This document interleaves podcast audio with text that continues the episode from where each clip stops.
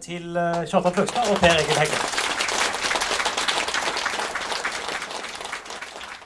Einar Førde spurte om den gang i Sogn. Jeg pleier alltid å sitere han og fikk det svar jeg vil gjerne bytte med en som ikke hører.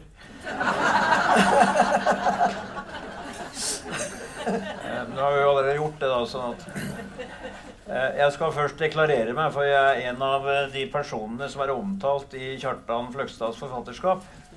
Eh, Så at dere ikke tror at jeg er, at jeg er uavhengig. Eh, Det er på side 137 i Shanghai Express. Eh, Og der har han en meget velvillig og vennskapelig skildring som jeg takker for en gang til, av eh, undertegnede som synger karaoke iført, russisk karaoke iført en Mao-lue på en elvebredd i Kina, i Chengdu. Eh, Det skal visst ha vært en uforglemmelig opplevelse. Jeg skal ikke gjenta den, men heller snakke litt om revolusjonen og den boken som jeg har skrevet eh, om Russland i 1917. Det vil si jeg begynner litt tidligere og slutter litt senere. Men først og fremst så er det om de to revolusjonene i Russland eh, det dramatiske året. Bolsjevik-revolusjonen, eh, eh, som heter oktoberrevolusjonen, den fant, skjedde da, som dere vet, i november. Russisk kalender er litt vanskelig før vi kommer fram til 1918. Eh, Men den store revolusjonen skjedde da tsaren plutselig måtte abdisere i midten av mars 1917. Det var en krise som oppsto spontant.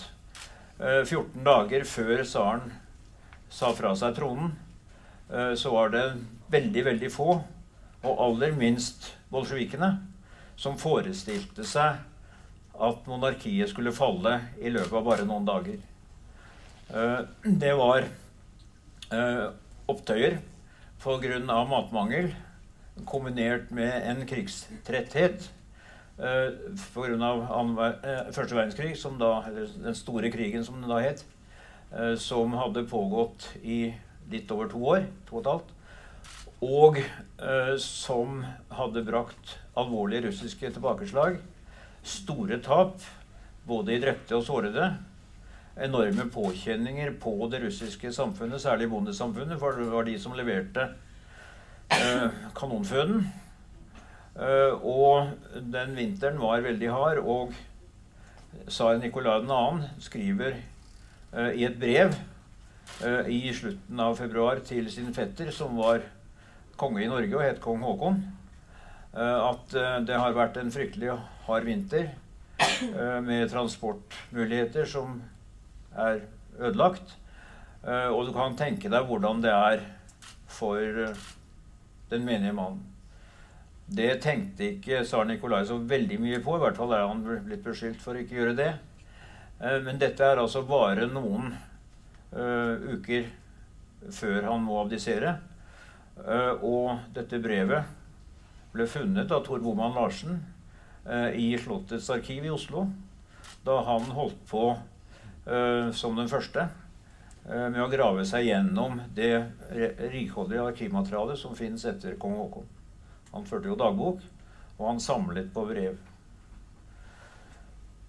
I, det kom en midlertidig regjering, provisorisk regjering, eh, og den ble ledet av en mann som het fyrst Woff, LVOV, eh, og han er glemt. Eh, Han var totalt udugelig. Han var ikke handlekraftig, og det er reist et slags monument over ham i noen korte memoarer, skrifter fra hans kontorsjef, eh, som het eh, Vladimir Nabokov. Og hvis noen drar kjensel på etternavnet, så er dette far til forfatteren, han som skrev Lolita. Han har skrevet mye annet også, men det er den han er mest kjent for. Eh, og Nabokov skriver i opptegnelsene sine fra Petrograd, som St. Petersburg da het, at uh, var totalt ute av stand til å fatte en beslutning. Om han nå hadde hatt en mer handlekraftig leder, så er det ikke sikkert han kunne reddet Russland fra det kaos som utviklet seg utover våren og sommeren og høsten 1917. Eh, Men det var i hvert fall i ettertid helt klart at Lwoff var ikke mannen. Han var heller ikke så handlekraftig at han klarte seg. Han døde faktisk i bokstavelig forstand i rennesteinen i Paris som fattig eksil. Han kom fra en av de store fyrstelige, eller høyadelsslektene i, i Russland. Så rakner det mer og mer, både ved fronten og i det politiske sentrum i løpet av sommeren og høsten. Og eh, bolsjevikene forsøker seg, altså den radikale fløyen av det russiske sosialdemokratiske parti, som ikke var så veldig demokratisk, men det het nå det, eh, i et kuppforsøk i juli, som ble slått ned. Delvis fordi det var dårlig forberedt, delvis fordi det kom et voldsomt tordenvær. Eh, og et av de mest berømte bildene fra revolusjonsåret er fra oppstandsplassen Florstad Bostania i sentrum av St. Petersburg, uh, hvor uh, det skytes og man ser folk ligge enten, fordi de har søkt dekning, eller fordi de har, er truffet i denne, dette voldsomme regnværet. På det tidspunkt hadde myndighetene, dvs. Si regjeringen, såpass handlekraft at den kunne sette inn et motstøt, og gjorde det også diplomatisk. De begynte å offentliggjøre skrifter og dokumenter som viste at Lenin, lederen for bolsjevikene, eh, sto på tyskernes lønningsliste. Tyskerne hadde jo sørget for at han og en god del andre radikale eh, kom fra sitt eksil, til mange av dem i Sveits. Der var Lenin på den tiden. Eh, I en plombert jernbanevogn gjennom Tyskland Eh, i det, eh, med den beregning at disse gutta kunne stelle i stand vanskeligheter eh, for myndighetene i Russland, og dermed svekke russernes krigsinnsats. Det var jo en vurdering som slo til. Men da de begynte å offentliggjøre dette materialet og ettersøkte utsette arrestordre på Lenin, så gikk han i dekning og kom seg over til Finland, som fremdeles formelt sett var et russisk storfyrstedømme men eh, i realiteten hadde fått nokså mye uavhengighet i og med tsarens fall. Eh, og Lenin bodde i Helsingfors i en villa som tilhørte politimesteren. Det er litt underkommunisert i sovjetisk historieskrivning. Eh, og der var han helt til ganske sent på ettersommeren, da det hadde raknet enda mer i hovedstaden, og han begynte å bevege seg i retning Petrograd, og var der da selve maktovertagelsen kom. 25.10. etter den tidens tidsregning. 7.11 i, eh, etter vår. Eh, den som da organiserte, administrerte, planla og ledet kuppet, var Trotskij. Eh, som var en ganske slu politiker og en svært dyktig administrator. Svært dyktig organisator. Og i løpet av noen dager etter at de hadde besluttet å gå til oppstand og styrte regjeringen, så satte han i verk en metodisk plan som gikk ut på å sikre seg nøkkelpunkter, gatekryss, telefonsentraler, jernbanestasjoner, broer og til slutt hæravdelingers hovedkvarter og, øh, og til slutt Forsvarsstaben. Og det førte da til at regjeringen, som satt i Vinterpalasset, plutselig oppdaget at eh, det var ingen å ringe til fordi telefonene virket ikke. Og da tok statsminister Kerensky, eh, som hadde erstattet Lov i løpet av sommeren, eh, affære. Gikk til den amerikanske ambassaden og fikk låne en bil og dro ut for å finne noen militæravdelinger. Dem fant han ikke. Militæravdelingene var preget av desertering og motløshet. og da det gikk opp for de militære styresmaktene i, under krisen i mars eh, 1917, så da like før tsaren falt, da det virkelig gikk opp for dem hvor alvorlig situasjonen var, det var da de tre siste gardekompaniene som var altså forpliktet til å være lojale mot tsaren, da de under en oppstilling eh, hvor de da skulle svare 'Gud bevare tsaren' på et eh, Altså at offiserene sier 'Gud bevare tsaren', I stedet for uh, å stoppe ved Gud bevare tsaren, så ropte de unisont og i kor 'samt hans tvende testikler'. Da skjønte offiserene at uh, det var alvor, og så fikk, fikk, de da samlet hele offiserskorpset til en appell til tsaren at altså, det er ikke noe annet å gjøre, du må gå av. Og så gikk han av. Så kom den rakningen som jeg har fortalt om. Og så kommer bolsjevikenes maktovertagelse. Uh, og hvis dere har hørt eller sett filmen om stormen på Vinterpalasset, så er det en fiksjon. Den skjedde aldri. Uh, det var punkt for punkt, metodisk med Trotskij uh, og hans plan, at de tok over nøkkelpunktene. Hvis man skal se litt framover, så blir en av de mer spennende dagene i hva Russland angår, 100-årsdagen eh, for selve maktovertakelsen 7.11. i år. Det er bare to-tre måneder til. Eh, og spørsmålet er hvordan i all verden skal de feire dette her? Eh, det ble jo feiret med kjempeparade på Den røde plass 7.11. hvert år. Og det var ikke måte på sovjetpatriotisme, så ble det slutt på det. Da kommunismen var kommet til veis ende i Russland. Uh, og uh, den nåværende lederen, uh, Putin, har jo grep om makten. Men det å hylle en mann som satset hele sitt liv på å planlegge og gjennomføre en revolusjon, det er kanskje ikke den som står øverst på hans totempel foran dette her. For en litt for stor feiring av det kunne jo så stygge ideer hos enkelte som mener at kanskje burde det gjøres noe i Russland. Så jeg er veldig glad for at jeg ikke selv sitter i den komiteen som skal planlegge den feiringen. Det er ingen enkel oppgave. Men det er bare å si som president George Bush den eldre pleide å si følg med. For, dette, for dette, dette blir spennende. I boken så legger jeg, som alle norske journalister pleier å gjøre, litt vekt på norske deltakere. Eh, fordi det er en tre-fire nøkkelpersoner i St. Petersburg på denne tiden. Ikke at de spilte noen stor rolle i forbindelse med selve utviklingen, men deres karrierer er eh, svært illustrerende for det som skjedde i Tsar-Russland. Uh, og den jeg legger mest vekt på, er en interessant russisk romsdaling som het Jonas. Uh, han var født i 1881 på Sølvsnes utenfor Molde og døde så sent som i 1969. Og sammen med professor Marit Werenskiold, som er uh, kunsthistoriker, uh, og to professorer ved Universitetet i Moskva, så var jeg med på å skrive en bok på russisk og engelsk uh, om Jonas Lied. fordi han fikk russisk statsborgerskap i 1912. han fikk et æresstatsborgerskap av tsaren personlig. og han startet Det sibirske handelskompani med hovedkvarter i Krasnojarsk i Sibir. Uh, slo seg opp som en veldig effektiv forretningsmann.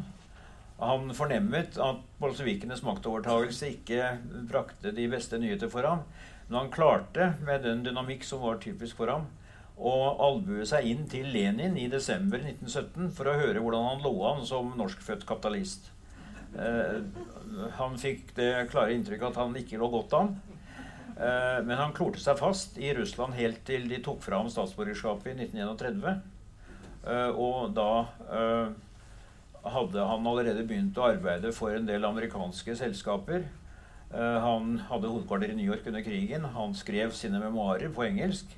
Så kom han hjem til Norge, og i 1964 kom boken 'Over de høye fjellet', som er hans memoarer. En veldig interessant bok.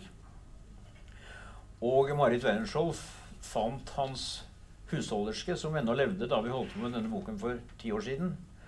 Og sin livsaften tilbrakte Jonas Lid på Sølvsnes eh, utenfor Molde med utsikt til Sunnmørsalpene og Romsdalsfjorden.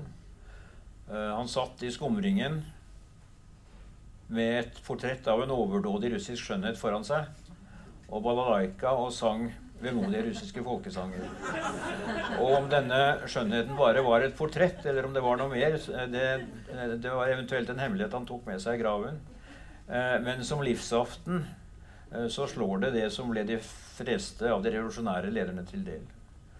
Om man kan hente noen moral ut av det, det vet jeg ikke.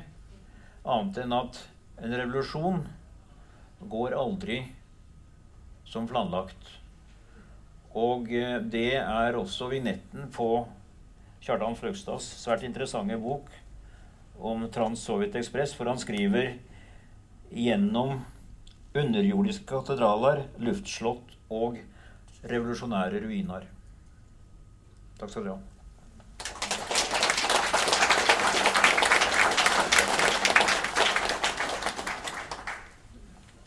Som det forstår, gjorde det et utslettelig inntrykk å høre Per Egil synge Jeg husker hva du sang òg, til og med.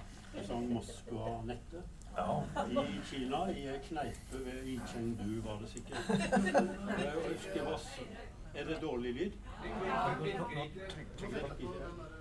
Det er en Lydtekniker sa at dette skulle de ordne med.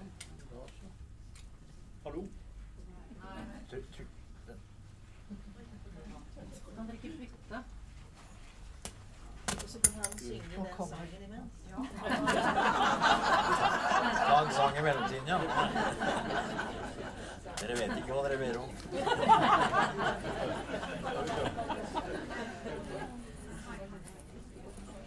Ja, det var denne sangen nå. Ja, bak det òg. Ja, det var denne sangen i Kina, altså eh, Moskva-nettet og, og, og Maolue. Og, og du sang den på russisk, og det gjorde meg jo eh, misunnelig. Og de gjør meg misunnelig her jeg sitter nå. For altså, mine, mine russiskkunnskaper de strekker til, vil jeg si, til å Eller strakk til til å lese fotballtabellene i Pravda. Og Der er det jo mye, mye tall og noen navn. Så det står i Det er ikke så bevent uh, der. Um, jeg tror vi har møttes nesten en gang i russisk sammenheng, eller prerussisk sammenheng, eh, fordi at du har gått uh, russiskkurs eh, i, eh, som si, i Garden.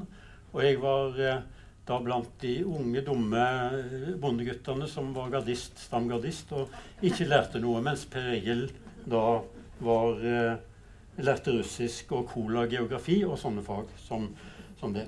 Så, eh, men altså mi, mi, min interesse for Russland har vært eh, på en måte sekundær da, i forhold til Latin-Amerika.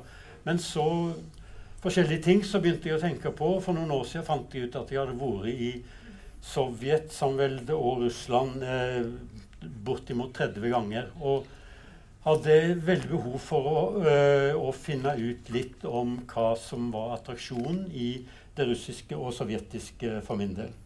Og så har det da blitt til denne veldig vakre boka som jeg kan skryte uhemma av. Altså nå tenker jeg på, på bokbunaden, som det heter på nynorsk, og ikke så mye på teksten. Men det er fantastisk mange fine bilder. Iallfall så er det da ei bok som, eh, som ikke handler så mye om revolusjonen. Den handler om det som står igjen etter den russiske revolusjonen. Den handler om fasader, proletær, proletære fasader, vil jeg si, og eh, utsidene av eh, bolsjevismen. Slik de har blitt manifestert gjennom eh, byggekunsten i sovjetsamveldet gjennom Det ble til sammen sju tiår.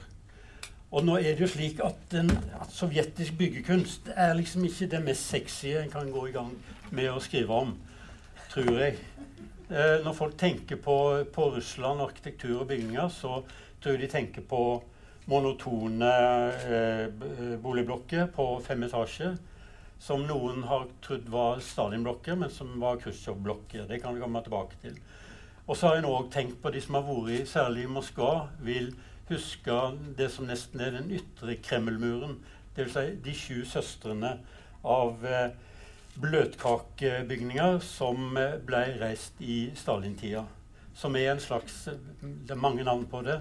Altså Bløtkakebygg sier vi som ikke er arkitekter, men vi kan òg snakke om Stalin-barokk, eller en form for klassisisme eller nypalladisme. Men hvis en da ser nærmere på det, så, så er det svært mange trekk ved den sovjetiske byggetradisjonen eh, som, ikke, som en ikke tenker på til vanlig. Og jeg har lyst til å ta utgangspunkt i et bilde eh, som står i boka mi.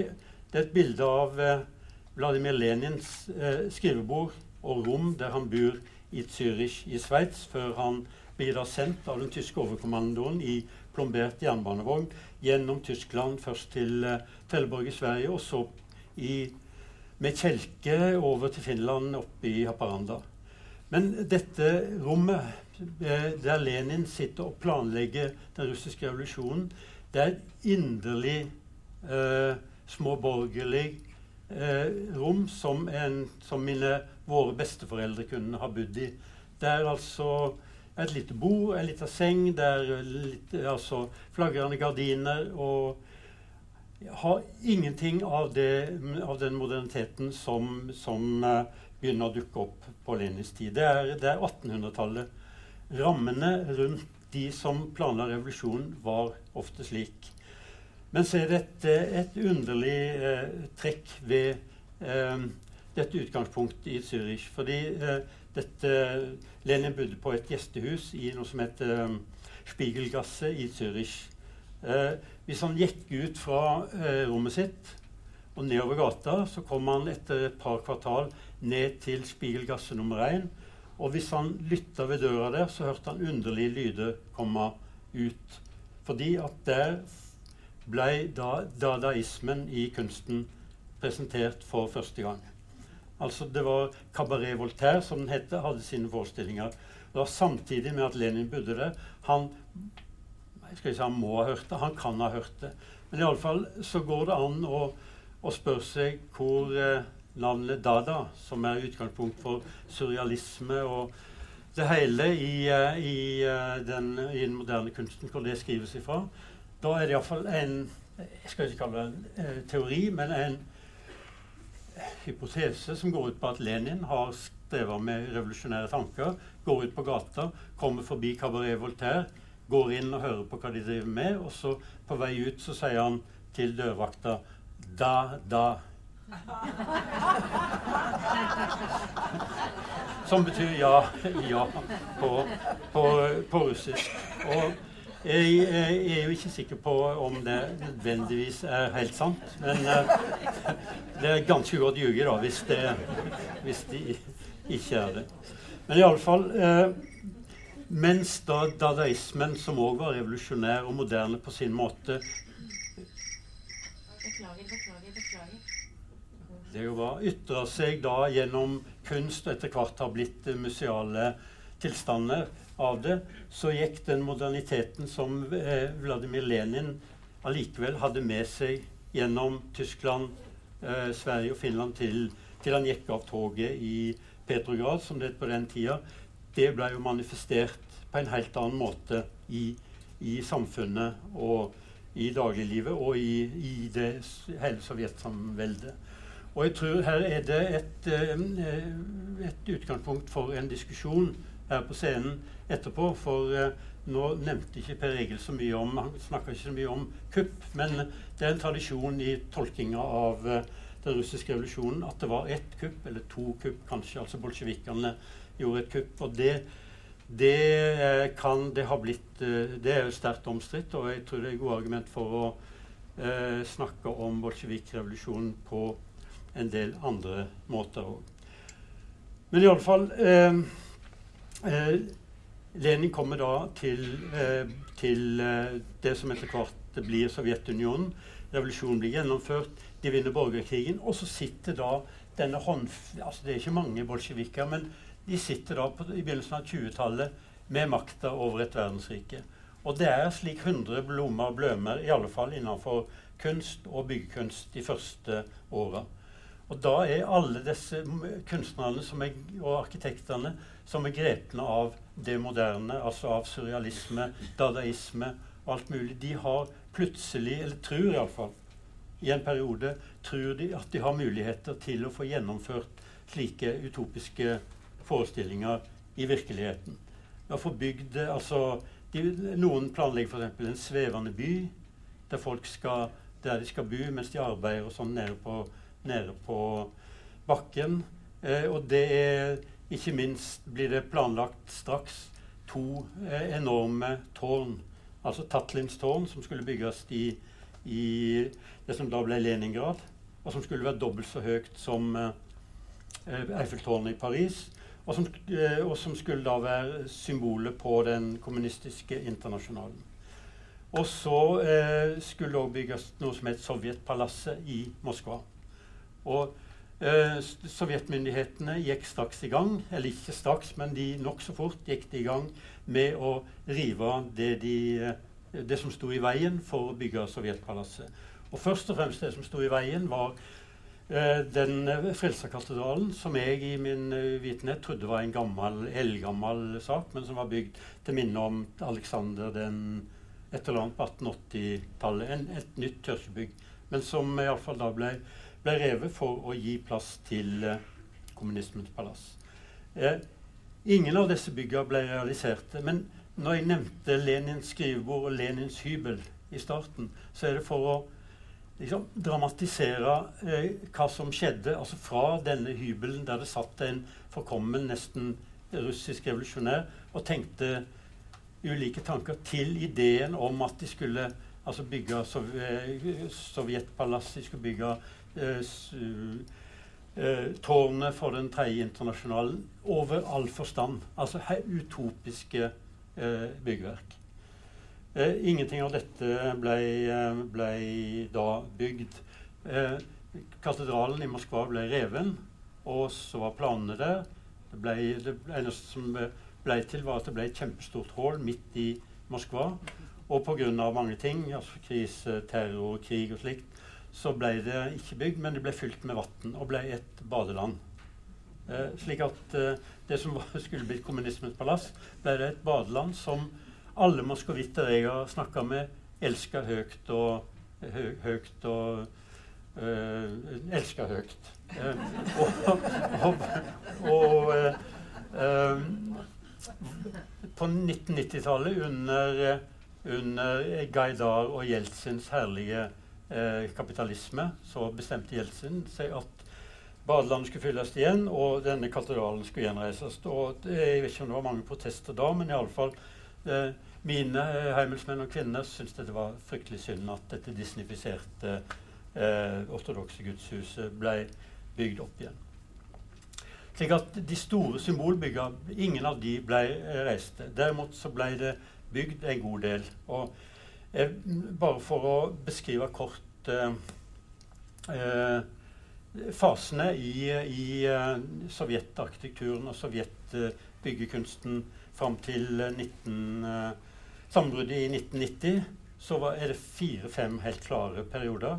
Den første perioden var jeg så vidt, vidt inne på. Altså det at eh, altså avantgardismen fikk styre eh, og, og fikk utvikle seg og fikk utfolde seg og fikk sette sine, sine ideer i verk. Det er i grunnen tida fram fra 1920 fram til 1932. Eh, og så eh, får blir det Stalins estetiske smak. Kan si at Stalin kom kanskje også fra en sånn hybel som, eh, som den Lenin eh, eh, kom fra. Eh, hans estetiske smak ble sett igjennom eh, i en slags pseudoklassisisme. Vil si at de avantgardistiske arkitektene de ble sjalta ut, mens de som da overtok, var klassisk utdannede arkitekter som bygde da det, Folk som har vært i Moskva, særlig vil, vil kjenne godt til eh, Hotell Uk Ukraina, som nå er et Radisson-hotell, og ikke minst eh, universitetet på Spurvehøgden, som har et Lenin-universitet og Leninhøgden og slikt. Og fem andre av de såkalte eh, tjuvsøstrene. Så det satt da eh, altså rikt ornamenterte barokke bygg, offisielle bygg, satt da stort sett arkitekter og tegna, og, og byggmestere og konstruerte i, i tiåra fram til eh, midt på 1950-tallet. Da var det et rabaldermøte i den sovjetiske arkitektforeninga, innkalt av den nye partisekretæren Khrusjtsjov. Der Khrusjtsjov sa at nå skulle det være slutt på ornament og, og sånne stasbygg og, og, og barokk. Nå skulle det bygges hus for folk flest. Og så det, dermed ble det slik. Så sette hele den enorme sovjetiske byggeindustrien i gang med å produsere lamellblokker eh, på fem etasjer. Det skulle være fem etasjer, for de hadde ikke råd til heis. Som da ble reist i, i eh, utrolig tempo. Det var bolignød, selvsagt, og etter krig og slikt. I, i, i, et par tiår fra 1955. Fra Vladivostok til, i, ved Stillehavet til Nikel ved Pasvikelva og til eh, Kaliningrad etter hvert i, i, i Prøysen. Dette er liksom det, det, folk, det som møter folk i grunnen når en kommer til eh, det som var Sovjetunionen av byggestiler. Men så skjer det da jeg tror, Ja, jeg vet det òg at eh, etter hvert utover på 1980-tallet så mista eh, partiet, det sovjetiske kommunistpartiet, eh, autoritet til å sette, og makt og kraft til å sette gjennom sine ideer, og hadde kanskje ikke noen ideer igjen, i estetiske spørsmål. Slik at eh, det førte til at en del arkitekter kunne hente, begynne å hente opp igjen ideene fra eh, det tidlige 20-tallet, avantgardismen, og, eh, og, kombinere det med, med, moderne strømdrag. Slik at det som har blitt kalt postmodernismen i byggekunsten, den blømde like heftig og, og, og var like utbredt i det som var eh, Sovjetunionen, som det gjorde i Vesten. Og det, det fins mange altså, Det fins sånne lister over de 25 mest absurde sovjetbygger som du kan gå og se på på internettet hvis du vil. Og blant de som topper den lista, så er det mange av de fra 1980-tallet, rett før sammenbruddet av Sovjetunionen. Og på toppen så troner ofte bygget til Vegvesenet i Tbilisi i Georgia, som ser ut som fyrstikkesker som er lagt på tvers opp. Um, og, så, og så, bryter jo dette sammen, og så, er det, så, blir, så er det så ligner det som blir bygd i, i storbyene, på det som blir bygd i storbyer verden rundt eh, utenom det som var Sovjetsamveldet. Det var et kort riss. I tillegg så har, dette, så den, mine reiser til Sovjetunionen vært, og det som var Sovjetunionen etter hvert, vært eh, også en personlig reise. For jeg har ikke vært bolsjevik noen gang. Ikke vært kommunist i, i leninistisk forstand. Men allikevel så er jo dette et eh, prosjekt eller samfunnseksperiment, eller kan vi kalle det for, som har berørt meg på en eller annen måte, som opptatt av sosialisme og, og liksom arbeiderklassens forsøk på å organisere et samfunn, og som jo endte på den måten det gjorde. Men det kan vi komme tilbake til og diskutere. Jeg stopper der. Hvis jeg snakker for lenge, så kommer en jo nesten alltid til kort. Og det var ikke Flott.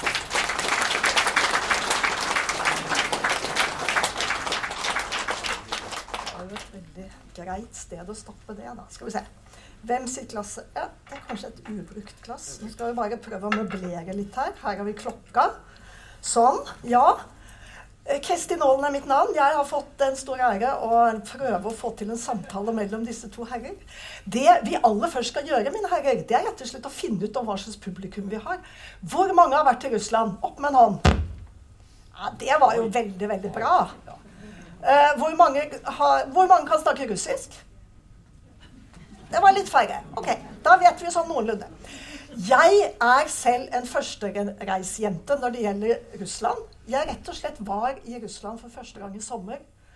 Og øh, hadde den gleden også å besøke filmfestivalen i Moskva. Og fikk også hengt på en tur til St. Petersburg. Så det var fantastisk å få denne forespørselen for å kunne lese denne boka, fordi det var mye interessant jeg kjente igjen. Jeg bodde i Golden Ring-hotellet, et steinkast fra et av disse her brødkakehusene, nemlig Utenriksdepartementet i Moskva. Og for de av dere som også har vært i St. Petersburg, så vet dere at arkitekturen der er noe ganske annet opprinnelig enn det man ser i Moskva. Så det, hvis vi skal prøve å henge dette her sammen Når det gjelder å, å snakke Vi må snakke først om revolusjonen. Hva, hva, kan man si om St. Petersburg, der alt dette skjedde? Det er så preget arkitektonisk av en helt annen tid enn det som kom, som dere hørte nå Kjartan snakke om. Hvordan vil du beskrive arkitekturen der? Jo, altså Peter den store han uh, visste jo uh, da han grunnla Eller opprettet St. Petersburg i en våtmark hvor det aldri skulle ha ligget noen by pga. de klimatiske forholdene. Uh, dessuten var det på svensk territorium, og ikke bare uh, opprettet han en by, men han la også hovedstaden i det. Å legge hovedstaden på fiendens territorium. Det er forholdsvis høy diplomatisk sigarføring. Det gjorde han. Uh, så hans genistrek var at han importerte eksper eksperter vestfra. Og han importerte norske admiraler og italienske arkitekter. Tenk om han hadde gjort omvendt. Det, det er en grufull tanke, det. Og den ene av admiralene han var fra Stavanger og het Nils Olsen. Bedre kjent som Cornelius Croix. Han ble grunnleggeren av den russiske flåten under Peter den store. Han hadde en trondhjemmer som uh, nestkommanderende. Han het Henrik Wessel. Uh, og hvis dere hadde kjent på etternavnet, så var det storebror til Tordenskjold. og for å si litt, og det har litt med revolusjonen å gjøre, det også Henrik Wessel mistet et skip under den store nordiske krig. Uh, og tsaren var i slett lune den dagen, så han degraderte ham fra admiral til gast og dømte ham til døden. Så somlet de med henrettelsen, og neste dag var tsaren litt gladere. Uh, han var antagelig bipolar. Så Henrik Wessel ble gjeninnsatt som admiral og fortsatte. og døde med støvlene på på Lade, hvor han var født. 74 år gammel, ble over dobbelt så gammel som sin mer valstyrige lillebror Tordenskjold. Men altså, det, dette med øh, denne italienske ekspertisen, den skulle prege St. Petersburg. Det var slik en by skulle være. Og Katarina den annen som ikke likte barokk, hun hadde da fått nokså mye øh, barokk allerede. Og fortsatt å importere italienske arkitekter, men med en litt annen byggestil. Men St. Peters grunnideen var at dette skulle være en vestlig by. Og det er ikke, eller var ikke før de begynte å bygge nye kirker nå etter at kommunismen falt, eh, det var ikke mer enn én løkkuppelkirke i St. Petersburg. Og det er kirken på blodet, som ble reist på det stedet hvor Alexander 2. ble eh, rammet av en bombe i 1881 eh, og døde noen timer etterpå i Vinterpalasset. Så altså, dette skulle ikke være en russisk by. for for Peter den store fortonte det seg slik at hvis Russland skulle gjøre fremskritt, så måtte det knytte seg til Vesten. Og denne striden mellom dem som mener at man skal bygge på det russiske, og dem som mener at man må knytte seg til idékraften i Vesten, den pågår ennå uh, i dagens Russland. Uh, så hvis man skal lese seg inn på uh, den, den greieste veien til en slags forståelse av splittelsen i det russiske folk, så er det en eh, bok som kom i 1931, og som heter 'Kampen mot Vesten i russisk åndsliv'. Den handler om kulturkampen på 1860-tallet og utover. Dostojevskij var en av deltakerne. Den skrevet av professor Erik Krag. Som, han var ikke professor da, men jeg hadde ham som lærer. Og det er virkelig innfallsporten og rammen om en forståelse av dagens Russland. Det er en utrolig aktuell bok, og Universitetsforlaget hadde vett nok til å utgi den i nyutgave i 1990. Men, men Per Egil, så, så, tenker jeg også, fordi det jeg klarte å få med meg da jeg var i St. Petersburg, det er at hvis du Ja, man kan være en sånn vanlig turist som selvfølgelig går i Vinterpalasset og blir helt sånn Wow, det, å, dette var storslått, dette, for det er det. Men hvis du samtidig leser hvordan tsaren Peter den store sørget for å bygge denne byen, så var det å hale inn folk og få dem til å bygge i gjørma, som du sa. Og de døde i hopetall. Slik at, at, det jeg oppfatter at denne gamle arkitekturen også er et uttrykk for, det er denne vanvittige rikdommen til tsarriket uh, som trykker folket i dette landet ned. Og det tenker jeg er um, Det jeg er ute etter, det er, det er, forklaringen på at det må bli en revolusjon. Fordi dette er århundrer med styrt fra oven. Man bryr seg ikke om folket. Hva vil du si til det? Eh, for å komme tilbake til det, bare en liten bemerkning om mitt forhold til eh, Petersburg. Fordi at Min viktigste guide i St. Petersburg var besatt av noe han kalte brutalisme. altså Arkitekter vet hva det er. Det er ikke brutale bygninger, det er ubehandla betong. Så når jeg har vært i, i, i, i det som nå heter Petersburg de siste åra, så har jeg blitt tatt med på alt som fins. Sett alt av ubehøvla eh, betong uhøvla betong. Uh, og det fins da utenfor. det fins et bilde av meg i denne boka. Der sitter vi et stort eksempel på det. Det er altså RoboCity, Robo City Cybersenter i utkanten av, av uh, Petersburg. Det, det, er ikke representativt, men det fins det òg, da. Og så er det det, det spørsmålet om, om trykket nedenfra. Det syns jeg er, det er jo avgjørende. Og eh, eh, og som bakgrunn for eh, revolusjonen. Eh, eh, det går an å hevde at, eh, at eh, bolsjevikrevolusjonen var et statskupp. Altså det var noen få, eh, noen få demagoger som eh, fikk gjennomført det, syns eh, fiendene.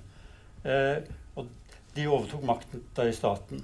Men fiendene av bolsjevikrevolusjonen trodde at når en liten flokk med demagoger kunne overta et så stort rike så lett, så ville det være mulig å overta et Det ville være nokså enkelt å bli kvitt eh, eh, de, de bolsjevikiske kuppmakerne. Og der tok de jo sørgelig feil, selv om ingen skal påstå at de ikke prøvde.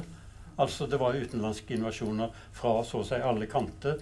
Og det gamle, gamle regimet slo tilbake som, som best de kunne.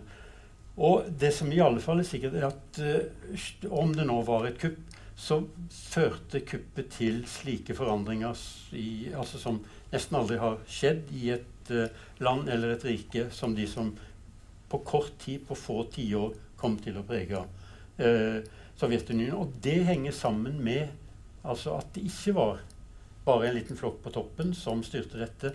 Det var et veldig trykk nedenfra. Og eh, til da så var den største urbaniseringsprosessen i verden som foregikk. Altså folk strømte til byene.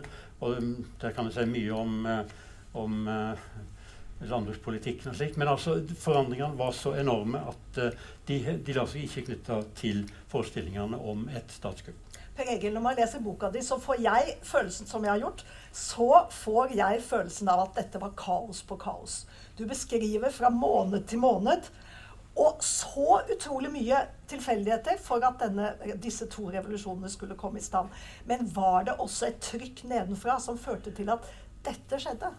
Det ble i hvert fall et trykk nedenfra. Og hvis man skal skrive Russlands historie og si at det var et kupp i 1917, nå gidder jeg ikke mer.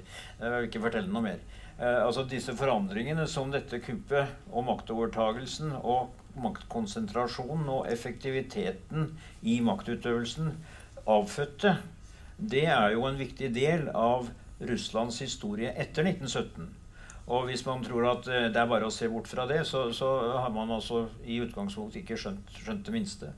Eh, og, disse kreftene som da både eh, Lenin og Stalin mobiliserte med det som i litt for forsiktig historieskrivende heter disiplinær kraft, det var naturligvis en viktig del av drivkraften i den utviklingen som kom, og som preget et helt nytt samfunn, og som fikk en formet et helt nytt samfunn, og som hadde en kolossal gjennomslagskraft utenfor Russlands grenser. Eh, fordi dette ble jo Altså, det skulle være en verdensrevolusjon. Det ble det ikke.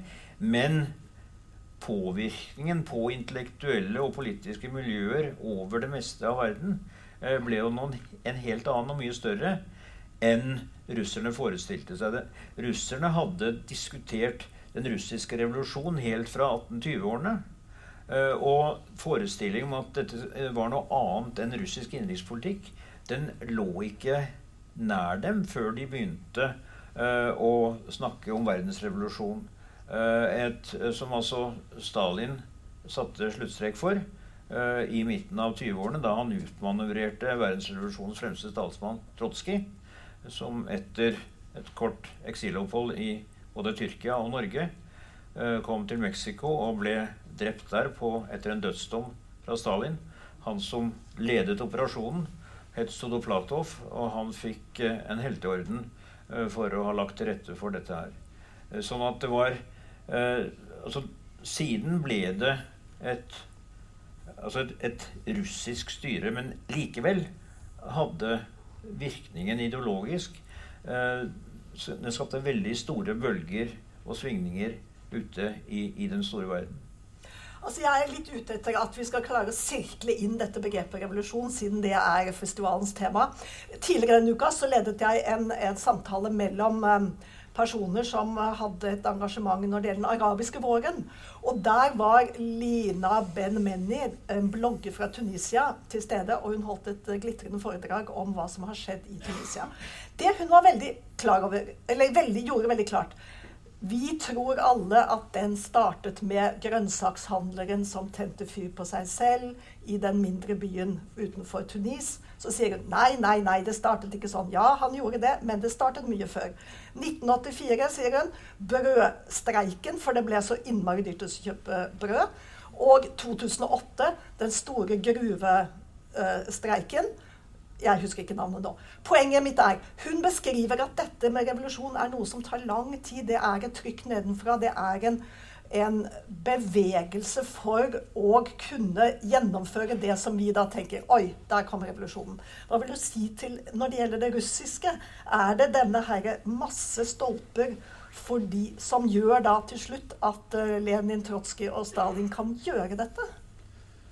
Nå spør du om noe annet enn eh, det boka mi handler Ja, det er klart, jeg gjetter at du har en- meninger. En ørliten En ørliten Du eh, kan synse litt. Nei, jeg vet ikke om jeg synser litt, men, eh, men eh, det, er- Alle vet jo at eh, det var et skal vi kalle det, revolusjonsforsøk i 1905 som ble slått blodig ned, og som gjorde at eh, at eh, tsarstyret levde noen år til, og så kom krigen og slikt. Og dette, dette er altså ikke mi, eh, min hjemmebane, men jeg, det har en, forteller òg en liten, eh, liten personlig eh, side ved dette. Fordi eh, jeg, sa at dette er jo også en personlig bok.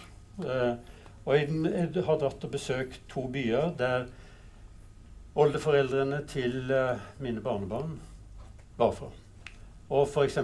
oldemor til et av mine barnebarn var jøde i eh, Odessa i 1905. Var bitte lita jente. Og, og eh, rømte da, klarte å rømme med sine foreldre via Marseille og kom til Buenos Aires og ble altså argentinsk jøde da senere. Men, eh, men altså som eksempel på at, eh, at eh, det var pogromer, mange av de revolusjonære var, var, var jødisk ett, og at trykket var, var stort. Og kom til uttrykk da først og fremst gjennom 1905-forsøket på revolusjon. Hva vil du si, Per Egil? Eh, Er det mange stabbesteiner som vi er nødt til å huske, og som gjør at det er veldig lett å forstå at det gikk som det gikk? Det ikke, jeg syns ikke det er lett å forstå at det gikk som det gikk, men altså dette trykket ga seg et eh, utslag på mange forskjellige måter i uh, ulike distrikter uh, i utrik- uh, ulike deler av Russland. Eh, og det som fører til at dette samles til en eksplosjon som velter regimet, det mener jeg var egentlig uforutsigbart. Altså det er ikke uforutsigbart at eh, trykket ville være der, men om det skulle resultere i noe, det var usikkert. Og hvis vi nå gjør et tankeeksperiment og sier at eh, russerne hadde eh, hatt litt bedre organisasjon på hæren, hadde klart misnøyen litt bedre, hadde klart matforsyningen, og hvis tsaren hadde holdt seg ved makten halvannet år til, så hadde han stått som seierherre over Tyskland eh, høsten 1918. Det var ikke mange måneder om å gjøre. Eh, Dette er altså kontrafaktisk historieskriving historieskrivning i, i eh, 98. potens. Men, men, men altså likevel, det er noen ganger uh, at eh, det, det, det er Jeg vet ikke om det er fruktbart, men det er i hvert fall Jo, jeg, interessant. jeg hadde tenkt å stille deg det spørsmålet. Hva fristende å tenke, tenke på, på hva som kunne ha skjedd. Ja, Ville vi da vært gladere for det enn det som faktisk skjedde? Hva tenker du om det? Nei, hvor, hvor stor grunn det hadde vært til å glede seg over Russland som en koloss eh, som var seierherre. Eh, altså Russland oppførte seg brysomt nok for naboskapet etter seieren over Hitler, og den kostet nokså mye, for å si det forsiktig. Eh, Sånn at, at Russland ville ha blitt en grei og enkel nabo med en seier i 1918, eh, 1917-1918, det er det ingen grunn til å tro. Det, det er jo en tendens i vestlig eh, historieskriving om Russland som jeg har tilgang til, å se på, å se på tilstanden tsar, på slutten av tsarveldet som en tilstand der det var muligheter. Det var muligheter for at dette riket kunne utvikle seg i liberal og demokratisk retning. Det er veldig lite som tyder på. Det, det, altså situasjonen på landsbygda det, altså, eh, det var sikkert bedre å være slave i, eh, i sørstaten i USA enn å være livegen eh, russisk bonde, f.eks. Altså, jeg tror ikke um, uh, det var særlig utviklingsmuligheter der. Slik at en, en eller annen form for revolusjon, et brått brudd med Måtte komme. Det tror jeg. Trengtes. Ja, altså den, den historiske nødvendighet den er eh, noe som uh, altså alle marxister uh, gjerne uh, slår i bordet med. Og jeg er en av de vantro i så måte. Eh, fordi som journalist har jeg sett for mye av tilfeldighetene på nært hold. Eh, men det, det er jo lite fruktbart å diskutere hva som kunne ha skjedd. Og hvis man da begynner å snakke om hva som burde ha skjedd, da, skal man, da skal man rette på historien. Da, da, da er man etter min mening på ville veier. Nå skal vi forfølge Kjartan sin, sin periodeinndeling i arkitekturen i sovjetsamveldet. Og det han jo har fortalt oss, det er at eh, den, den fram til Ja, jeg tror egentlig du sier sånn fram til eh, midt på 30-tallet, så er det avantgarde, det er funkis, det er det du har fortalt om konstruktivisme. Altså det er nyskapende arkitektur. Jeg oppfatter deg sånn at dette svarer til et sånn, et, et sånn svar om å bygge sosialismen i bygninger. I ja, eh, luftige bygg eh, Ja, kom, hvordan tenker du Ja, om det? både luftige og veldig konkrete bygg. Altså, det heter jo da, for de som kjenner terminologien, det heter jo het å bygge sosialismen. Så altså ikke bare, ikke bare i overført betydning, men òg i form av eh, bygninger. Og det gjorde at arkitektstanden ble, ble eh, en, nøkkel, en nøkkelprofesjon i sovjetstaten. Eh, em, mange vestlige arkitekter drog til, til Moskva på 20- og begynnelsen av 30-tallet, også norske, for å studere, fordi at det var liksom det mest avanserte byggeriet som var i sving. Og den aller mest kjente moderne arkitekten Le Corbusier, Corbus som han blir kalt, han eh, var også, bodde fire år i, eh, i Moskva og eh, var med i konkurransen om å bygge det jeg nevnte, dette eh, sovjetpalasset. Han kom til finalen. Det var fire eller fem tror jeg, i finalen. Men eh, Corbus eh, vant ikke, da. Og han som vant, han fikk jo heller ikke bygge. Men eh, Corbusier han dro da tilbake til Vesten og hadde med seg tegninger til et bygg som ennå står i sentrum av Moskva, like ved den amerikanske ambassaden, som blir kalt eh, Narkomfinbygget. Og Det høres jo ut som en rehabiliteringsinstitusjon. Men eh, det er den nå ikke, da. Det var altså boligblokka til Finansdepartementet. Eh, og som har blitt på en måte blåkopien for, for eh, progressive forsøk på kollektiv eh. Sosial kondensator, eh, kalte, kalte sovjetarkitektene det. Og det som eh, og Corbusier setter det senere i verk i Marseille, i, en, i et berømt bygg som, boligbygg som ennå står i Marseille. Og så er det eh, bare en liten ting. Det er jo kan du si at De fikk ikke bygd så mye revolusjonært, de, de jeg nevnte, men, og at det meste ble hull i jorda. Men så er det noe med dialektikken da, som marxismen er god på. For hva skjedde i hull i jorda? Jo, nemlig der ble eh, det største underverket som den russiske og sovjetiske ja, sovjetsamveldet klarte å få til, nemlig eh, metrosystemet, særlig i Moskva, som er virkelig et verdensunderverk, og som et underverk som fungerer den dag i dag. Dette er skildra av en sovjetisk forfatter som heter Platonov. Denne, denne byggetomta heter det, der ikke for bygd noe. Men altså under jorda så blir da det, de underjordiske katedralene som, som er da det, det store minnesmerket etter Sovjet. Og er da går, ja, og da går Veldig bra, for dette har jeg tenkt at vi skulle komme inn på. Per Egil, du har vært eh, Moskva-korrespondent for Aftenposten. Ja, Er du enig med, med Kjartan her i at metroen Metroen er et fantastisk byggverk, eh, og det eneste som hefter ved det når man, der, eh, når man, når man går der, det er at eh, dette ble bygget av politiske fanger. Og delvis av krigsfanger. Så altså, det, det er igjen eh, det samme som når du går i St. Petersburg. Vinterpalasset. eh, Vinterpalasset, og for ikke å snakke om de første byggverkene. For de ble bygd av svenske krigsfanger som var hanket inn under slaget ved Poltava, eller etterpå, i 1709. Og de ble transportert, de som overlevde, ble transportert til St. Petersburg og var med på å bygge. eh, Så, så alle de svenskene som bodde i St. Petersburg senere, de visste godt at de trampet på en del landsmenns lik hver gang de, i, hver gang de går i gatene i, i St. Petersburg. Men jeg har lyst til å vende tilbake til dette med utopien. For hvis det er én eh, tankekonstruksjon som er en utopi, så er det kommunismen. Det er en veldig flott tegning, eh, men så skulle det bli virkelighet, og så gikk det ikke så bra. Og dette med det store sovjetpalasset som skulle reises der hvor eh, Frelserkatedralen sto, fra 1864 til den ble bygd til, til eh, ære for eh, Altså til Guds ære som takk eh, for at han hadde hjulpet med å slå franskmennene i 1812. Eh, og dette, i kampen mot religionen og for ateismen som et ledd i det, så ble den, ble den sprengt i, i 1931. Og så kom, dette så kom denne planen om Sovjetpalasset, og, og det er jo et fantastisk byggverk når man ser på tegningen. Så kom det noen ingeniører med noen regneoperasjoner, og de sa at hvis vi bygger dette her, så synker det rett ned i gjørma, for dette er altfor nær elvebredden, så vi må ikke bygge det. Eh, Og dermed så ble det, i tillegg til at det var vanskelig med penger og slikt etter krigen, så ble det lagt på is. Man fikk svømmebassenget, som var helårs. Man kunne svømme i 20 kuldegrader. Helst da med skinnlue, for det var litt kaldt på toppen. Men man gikk altså ned i tunneler og, og, og kunne svømme. Men det hadde også sin bakside, som kommunismens eh, og, og svømmebassengets byggeteoretikere ikke har tenkt på. Fordi i vinterklimaet i Moskva så skapte dette et mikroklima. Eh, Det ble veldig høy fuktighet. Og manuskriptsamlingen i Lenin-biblioteket, som ligger bare 200 meter unna, de ble angrepet.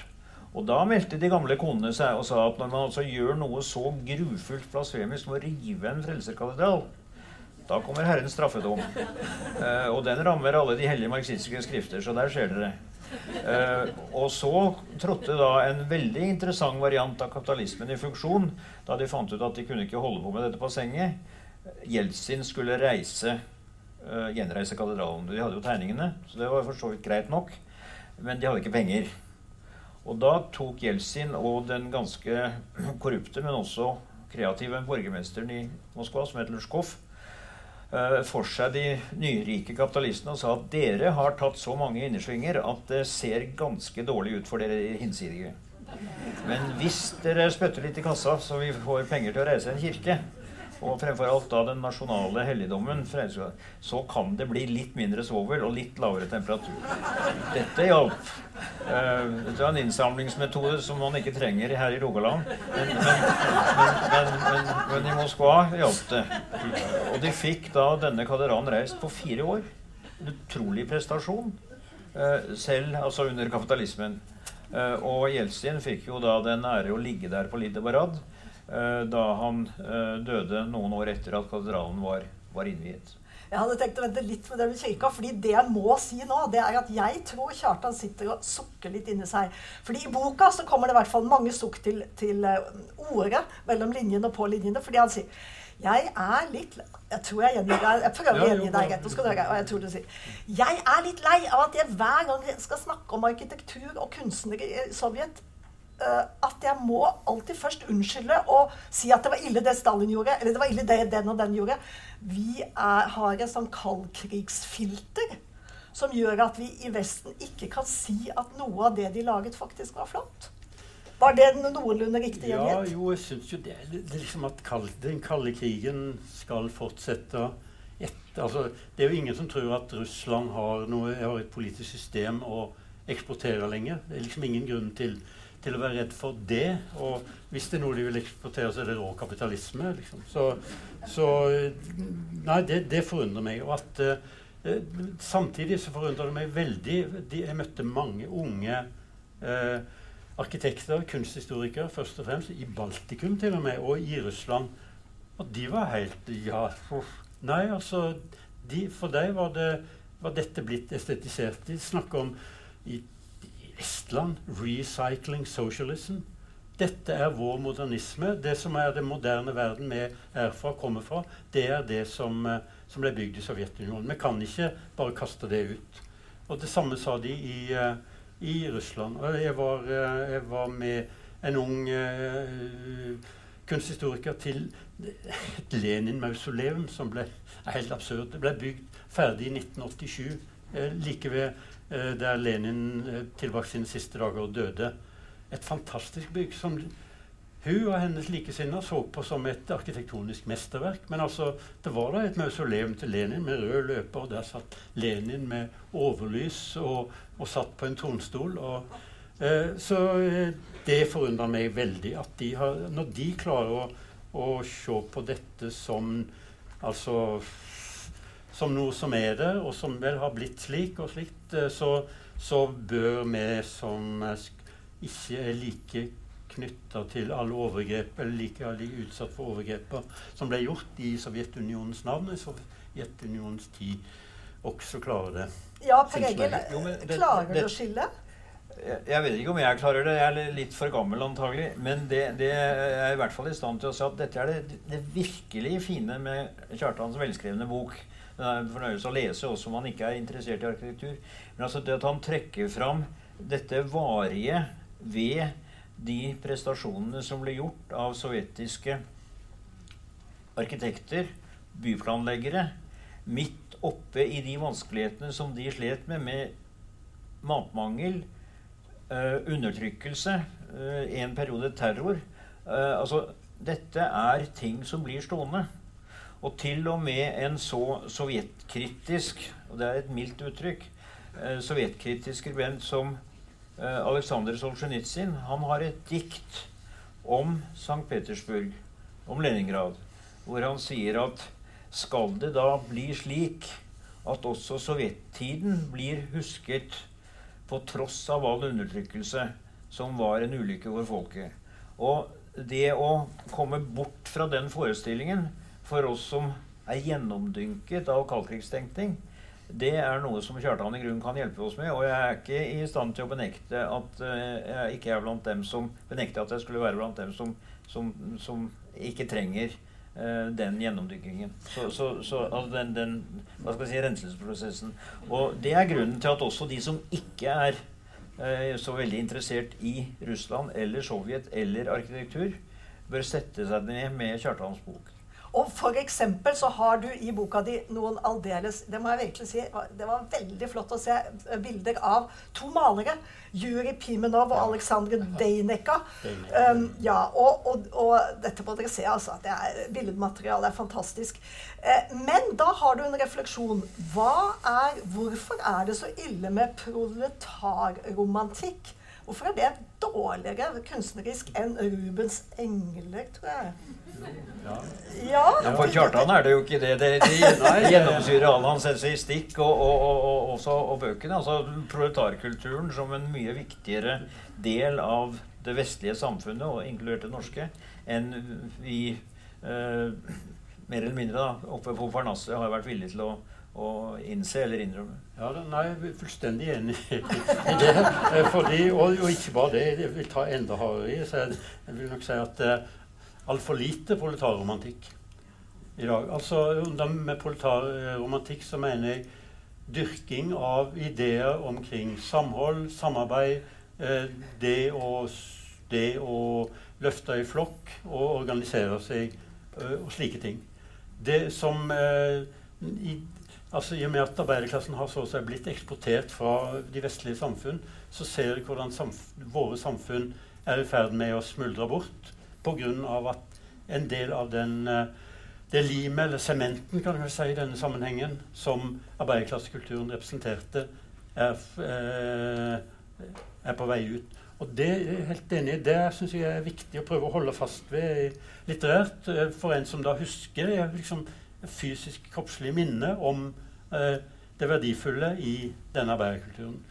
Eh, så det, det er et eh, viktig poeng, syns jeg. Og så vil jeg, mm, tror jeg, legge til noe om Det, det er noe med det, det totalitære som, har, som jeg bruker som et altfor lett og altfor stort samlebegrep om alt som foregikk i Øst-Europa fra, fra krigen og, og framover eh, til nå, og som gjør at vi gjør oss blinde for mange ting. Det var mulig for kunstnere og, som Deinika, Pimenov og, og arkitekter å arbeide med sitt trass i at ja, altså, styring overfor Ofte var jo styring overfor så firkanta og dum at det var lett å liksom Ja, du kunne nesten se bort fra det. Iallfall hvis du var litt slu. Og det store eksempelet som ikke Han er ikke sovjetrusser, da, men han er østtyske. DDR. Eh, Klemperer, Viktor Klemperer, som er den som har kritisert det totalitære språket mest grunnleggende etter krigen, tror jeg. Han ble berømt som forfatter etter sin død. DDR-forfatter. Levde hele sitt liv i DDR. Ble belønna med alt mulig, satt i folkskammer. Samtidig så holdt han i gang et forfatterskap som, som kritiserte totalitære tendenser i mange typer språk. Og han kunne flytte til Vest-Tyskland hvis han ville. Han ville ikke. Han, de totalitære tendensene hos oss kan være like sterke. Jeg skal prøve å hente fram ett eksempel til på sånne sånn ting som man faktisk burde beundre da, ved, ved sovjetsamveldet. Jeg tror det, det rakner litt, da. Men, men, jeg fant dette hos deg. Jo, du var jo inne på at disse prefabrikkerte blokkene som Khrusjtsjov satte i gang eh, fordi det var boligmangel på 60-tallet eh, Mellom 1955 og 89 så bygde de, skriver du, 50 millioner standard, standardiserte leiligheter i fem etasjer uten heis, som du sa. Det morsomme er at du skriver ja, og så var tanken at man skulle bruke kollektivtrafikk for å komme inn til, til, til jobben. Fordi i, Og i Nå kommer poenget. USA var det motsatt. Der flyttet man folk ut i forstedene, og så satset man på privatbilisme. Uh, og uh, det er jo egentlig Hvis det hadde fungert, da, så hadde jo det vært en stilig miljømessig måte å organisere på. Der Sovjet, var sovjeterne bedre enn uh, Vesten. Det var det om det var det pga. omtanke eller pga. at det var mange ting ved samfunnet som ikke fungerte. Det kan vi, den diskusjonen kan vi ta en, en annen gang. Men, men altså den, den, måten privatbilismen nå har ødelagt byer som uh, St. Petersburg og Moskva, er jo aldeles grufull å oppleve.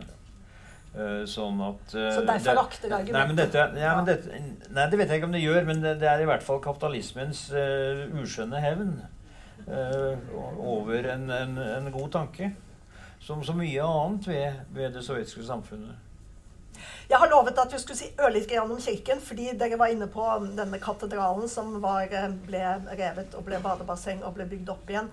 Eh, det, det, vi raskt kan slå fast, det er at den russiske kirken har aldri tatt noe oppgjør med noe som helst. Altså, Den var en velvillig samarbeidspartner til tsardømmet og velvillig til det stille under Sovjet, og er veldig velvillig nå med Putin. Hvordan vil du kommentere det, Kjartan? Jeg overlater det til min sidemann.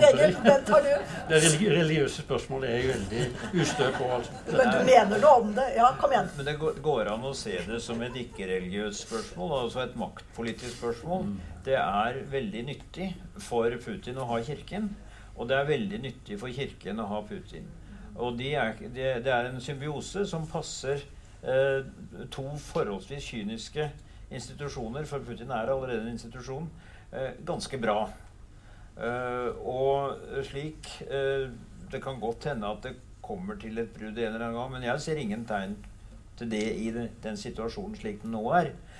Og så eh, er det da dette her med eh, Det vil jo ikke appellere til de som er blant, ateister blant dere. Men eh, for ti år siden så var det en utstilling i Oslo med skatter fra Kreml-museet. Uh, og det var bl.a. Fra en av Katarina den stores brukskunstnere. Han laget mange fine kirkegjenstander. Han var fra Drammen. og den som da er bestyrer for Kirkemuseet ved Kremlmuseet. Det er en dame som heter Jelena Gagarina. Og ganske riktig, hun heter Jelena Jurjevna. Hun er datter av Juri Gagarin. Mannen som, eh, første mennesket som var i verdensrommet, som kom tilbake og meldte at uh, Gud fins ikke, for jeg har vært oppe og sett etter. Han var ikke der. Det var den rapporten han ga til Khrusjtsjov. Uh, og det var Khrusjtsjov veldig fornøyd med. Så blir altså da hans datter, som var 7-8 år da faren omkom i en flyulykke i 1968, uh, hun blir direktør for Museet for kirkekunst. Og da hører man eller ser man Tolstoj nikke fra sin grav og si at Herrens veier er uransakelige, og ingen kjenner hans time.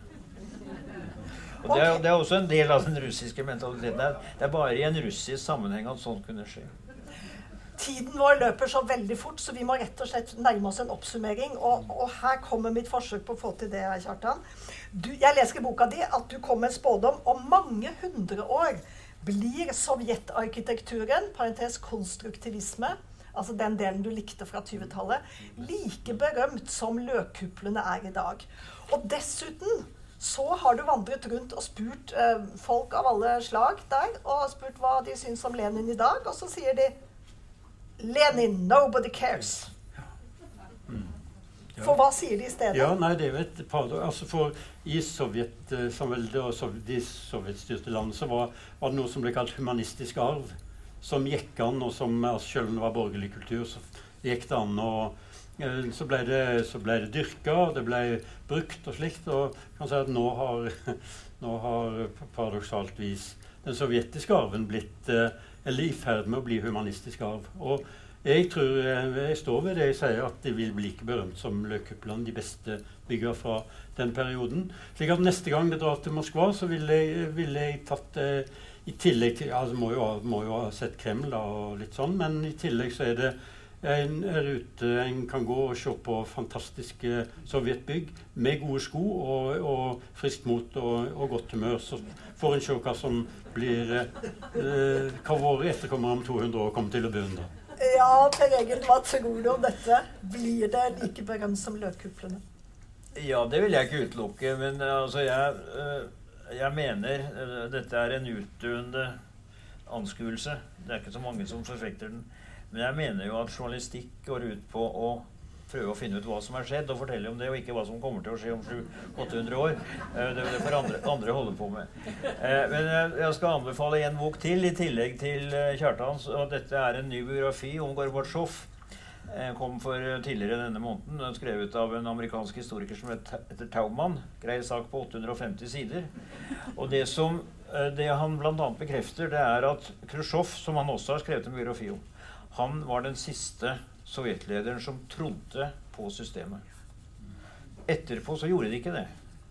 Og den tvilen som melder seg veldig tidlig hos Gorbatsjov, og som gjennomsyrer hele hans øh, oppstigning, gjen, oppstigningsperiode gjennom systemet helt til topps, og også etter at han er kommet ut som toppleder, øh, det forteller lite grann, eller forteller ganske mye, øh, om en utopi som var et slags kirkeritual. Man skulle bekjenne seg til det, ellers var man en kjetter og ville bli styrtet i fortapelsen, eller i hvert fall ute i tidlig pensjon.